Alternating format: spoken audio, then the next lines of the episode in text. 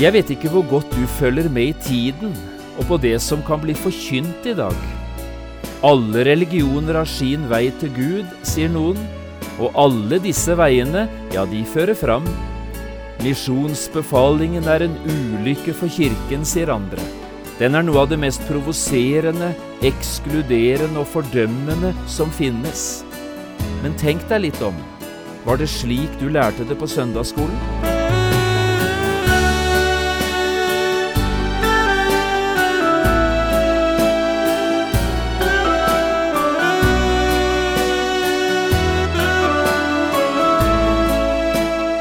Hjertelig velkommen til et nytt program i serien Vindu mot livet.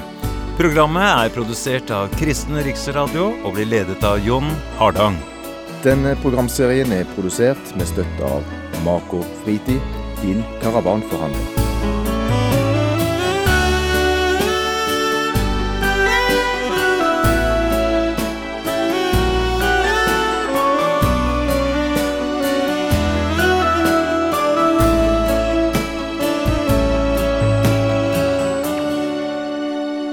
Også i dag fortsetter vi denne bibelundervisningsserien som jeg kaller Etter påskemorgen. Det er altså de første 40 dagene etter Jesu oppstandelse det her handler om. Jesus møtte en god del mennesker i løpet av disse 40 dagene. Hvem han møtte, og hvordan han møtte dem, det er spørsmål vi tar opp i løpet av disse tolv programmene.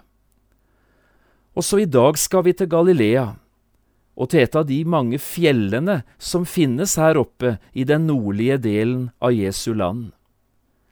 Det finnes en del tekster i Bibelen som er bedre kjent enn andre, og i dag tror jeg du skal få høre en slik bibeltekst.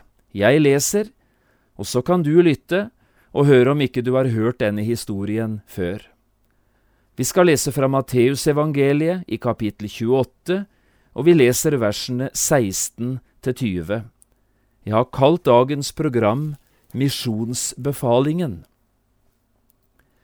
Men de elleve disipler dro til Galilea, til fjellet hvor Jesus hadde satt dem stevne. Og da de fikk se ham, falt de ned og tilba ham. Men noen tvilte. Jesus trådte fram, talte til dem og sa, Meg er gitt all makt i himmel og på jord. Gå derfor ut og gjør alle folkeslag til disipler, idet dere døper dem til Faderens og Sønnens og Den hellige ånds navn, og lærer dem å holde alt det jeg har befalt dere. Og se, jeg er med dere alle dager inn til verdens ende.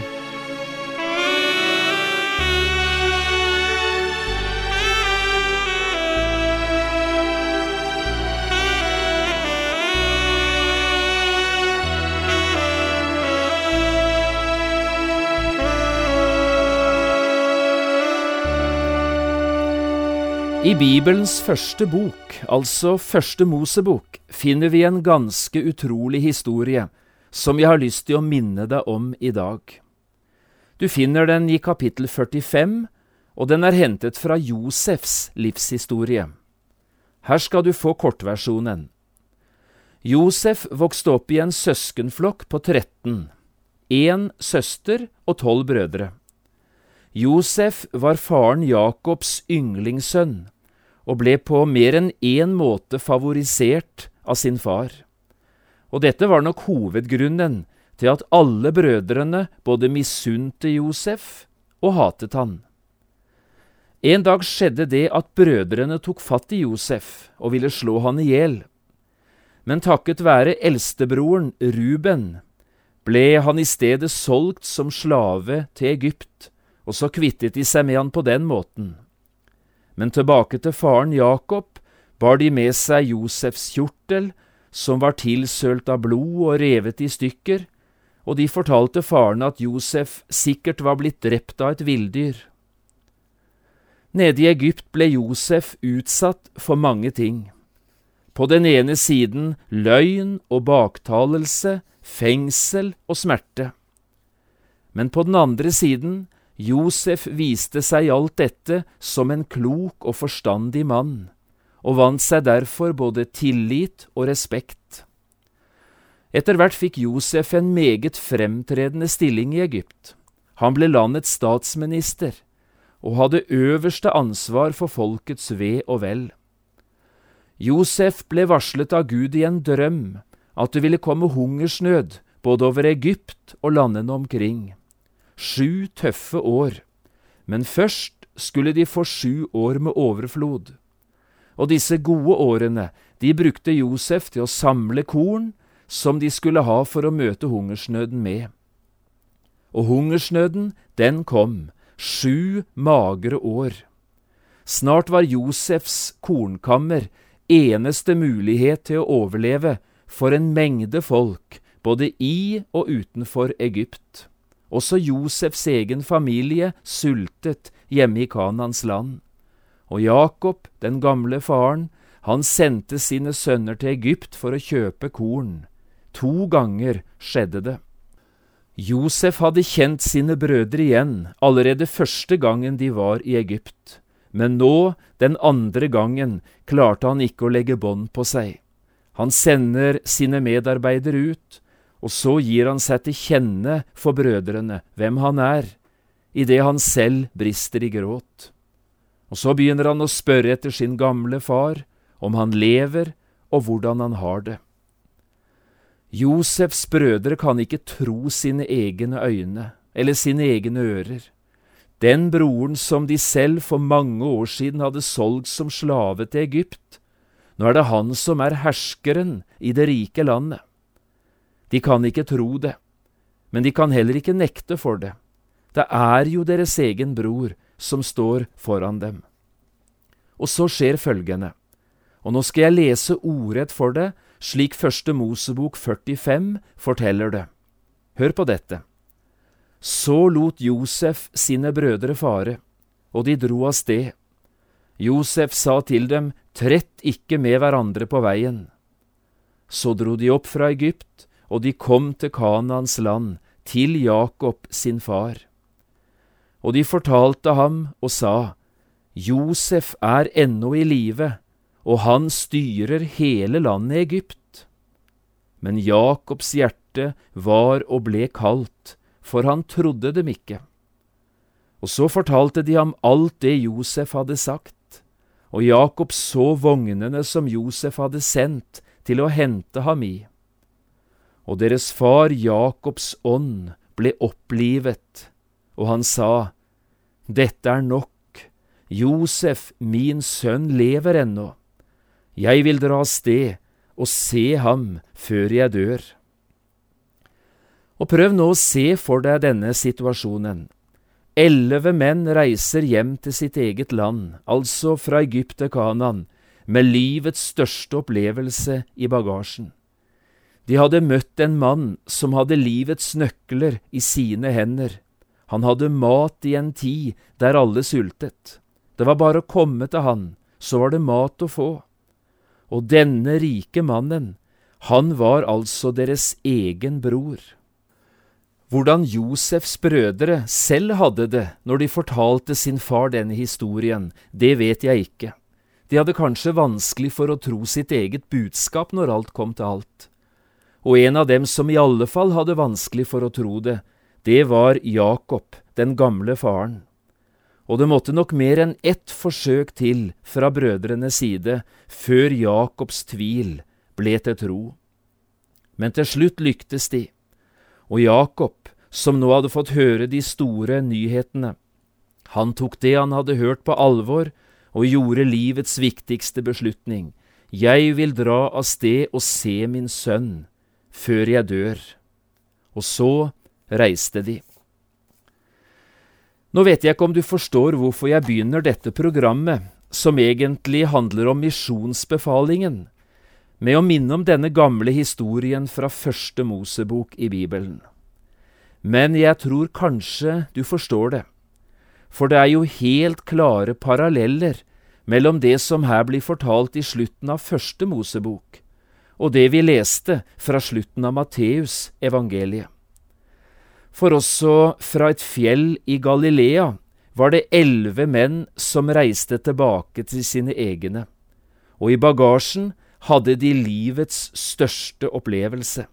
De bar med seg nyhetene om Jesu død og oppstandelse, og de hadde fått beskjed om å forkynne dette budskapet for hele verden. Også deres nyheter kunne bety forskjellen på liv og død for de som fikk høre det.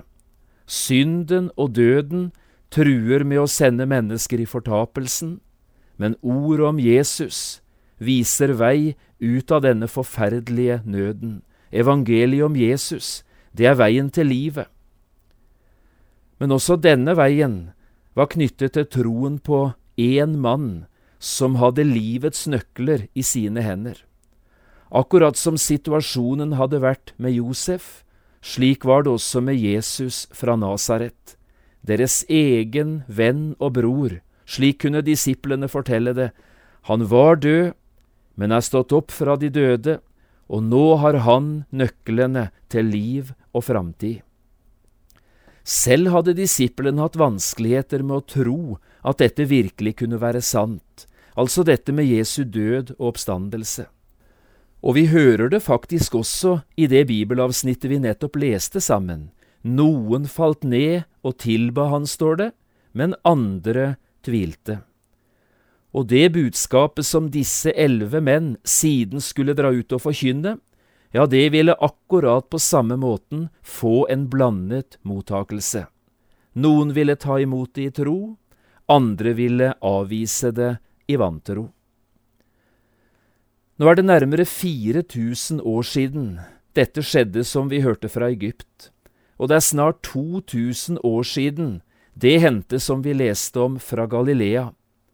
Men fremdeles er Jesu befaling uforandret, Gå derfor ut. Og fremdeles er budskapet om Jesus aktuelt. Fremdeles er Jesus eneste vei til himmelen.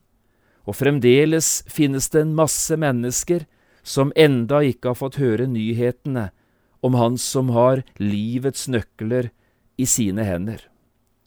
Hør nå, vår generasjon, det er vårt ansvar. Din familie, dine naboer og dine arbeidskolleger, det er ditt ansvar. Gå derfor ut, sier Jesus til deg og meg i dag. Jeg synes nesten det er noe majestetisk over de ordene som avslutter Matteusevangeliet. Hør dem en gang til. Og Jesus trådte fram, talte til dem og sa, Meg er gitt all makt i himmel og på jord. Gå derfor ut. Det er altså ikke et forslag Jesus her kommer med, ikke en god idé eller en smart plan.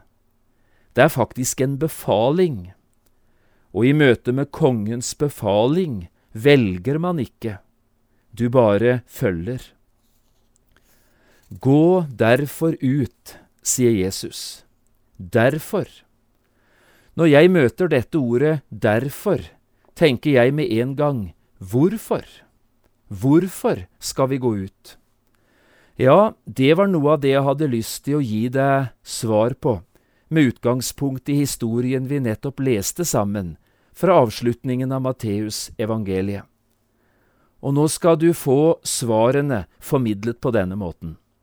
Fire ganger i løpet av disse versene vi nettopp leste, møter vi ett bestemt ord.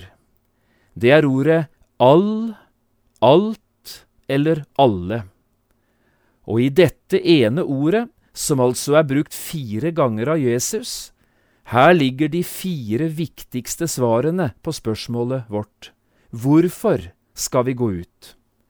Kanskje du med en gang skal finne fram Bibelen din og sette en liten strek under dette ordet all, alt og alle. Hør nå. Meg er gitt all makt, sier Jesus. Slik begynner han. All makt. Gå derfor ut. Gjør alle folkeslag til disipler. Slik fortsetter Jesus. Og det er det andre. Alle må få høre dette budskapet. Gå derfor ut. Og så det tredje. Lær dem å holde alt det jeg har befalt dere. Gå derfor ut. Det er stort, dette som her skal forkynnes. Alt må med, ingenting utelates, forkynn alt det jeg har befalt dere. Gå derfor ut. Og så det fjerde, det siste, og se, jeg er med dere alle dager, sier Jesus. Vi skal altså ikke en eneste dag bli overlatt til oss selv. Vi skal aldri måtte gå alene. Jeg er med dere alle dager. Gå derfor ut.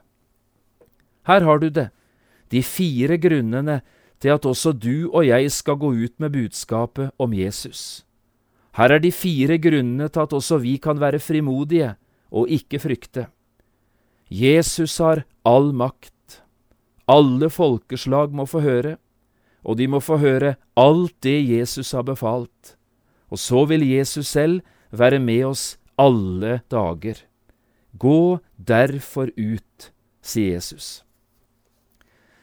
Jeg vet ikke hvor godt du som hører dette, følger med i det som skjer i våre dager, eller hvor våken og bevisst du er med tanke på det som blir forkynt, også i kristne sammenhenger. Men når det gjelder nettopp dette med misjonsbefalingen, er det mange nye toner å høre i et etterkristent Norge. Vi hører ting vi aldri har hørt tidligere, iallfall ikke på mange generasjoner. Alle religioner har sin vei til Gud, sier noen, og alle veier, de fører fram. En annen kan ordlegge seg slik, misjonsbefalingen har vært en katastrofe for den kristne kirke. Den er det mest provoserende i hele Bibelen, av alt som er sagt. Dette virker bare fordømmende og ekskluderende på folk. Ja, sånn kan noen ordlegge seg om Jesu misjonsbefaling. Jeg har bare lyst til å spørre, var det slik du lærte det på søndagsskolen? At misjonsbefalingen er en ulykke, en katastrofe, og at alle religioner viser vei til den samme Gud, og at misjon derfor er unødvendig? Nei, du lærte det helt motsatte. Du lærte det finnes bare én vei til himmelen. Det er Jesusveien. Du lærte at det finnes bare ett navn under himmelen som mennesker kan bli frelst ved, det er navnet Jesus. Og du lærte at misjon er det viktigste arbeidet som finnes i hele verden.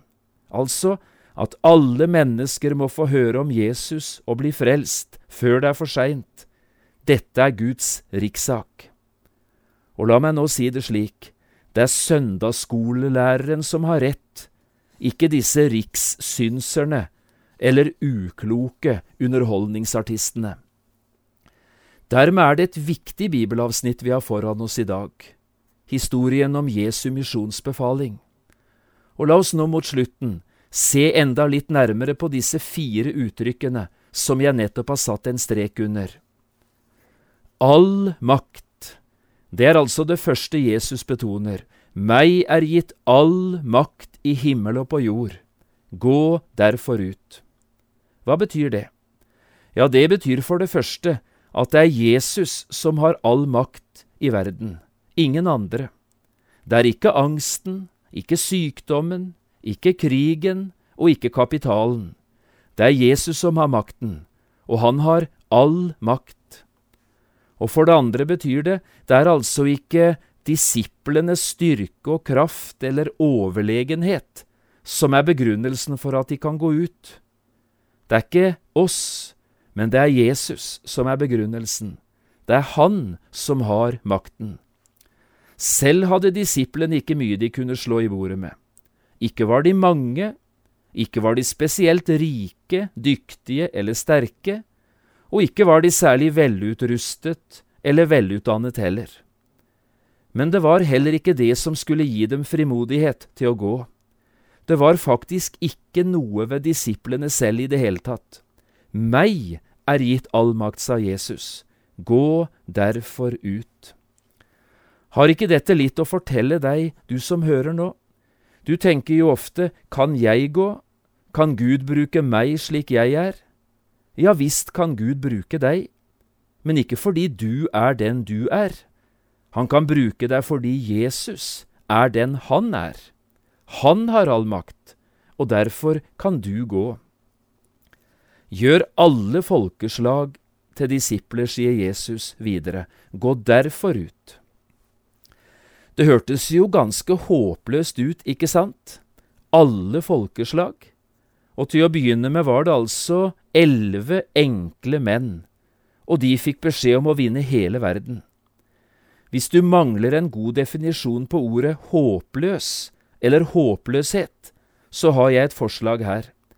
Elleve alminnelige menn får beskjed av Jesus om å vinne hele verden. Det er definisjonen på håpløshet. Men i dag skriver vi altså mer enn 2000 år etter Kristus. Og hva er det vi snakker om i dette programmet? Vi snakker om misjonsbefalingen. Vi snakker om Jesus og om hans disipler. Vi snakker om budskapet som elleve alminnelige menn fikk beskjed om å bære til jordens ender. Og vi må egentlig bare innrømme det, de kom utrolig langt, Jesu disipler og etterfølgere. Ja, de holder faktisk på enda. Denne misjonsinstruksen er uforandret. Alle folkeslag er fremdeles adressen for evangeliet. Men vi nærmer oss målet, skritt for skritt, år for år. Så det tredje. Alt jeg har befalt dere, sier Jesus. Også det er krystallklare ord Jesus her kommer med. Idet dere døper dem og lærer dem å holde Alt det jeg har befalt dere, det er måten vi skal gjøre alle folkeslag til disipler på. Dåp og tro, det er saken. Dåpen til Faderens, Sønnens og Den hellige ånds navn, og så troen på Jesu ord og befaling. Og det er når det gjelder dette siste Jesus helt spesielt understreker det. Lær dem alt det jeg har befalt dere, ja, lær dem å holde alt de har befalt. I dag betyr jo det alt det som står i Bibelen. Det er litt av en oppgave. Alt Guds ord vil lå på prekestolen, sa Luther en gang, og det stemmer nøyaktig med det Jesus sier her. Vi skal forkynne alt Guds ord. Og så slutter jeg slik. Jesus avslutter med et fantastisk løfte. Og dette løftet gjelder også deg og meg i dag om vi bare tar misjonsbefalingen på alvor. Og se, jeg er med dere alle dager inn til verdens ende. Alle dager. Det betyr hver eneste dag. Det betyr alle slags dager. Og kanskje viktigst av alt, det betyr i dag. Hva mer kan en disippel ønske seg? Hva mer trenger vi enn at Jesus går med? Se, sier han, jeg er med dere alle dager inn til verdens ende. Gå derfor ut.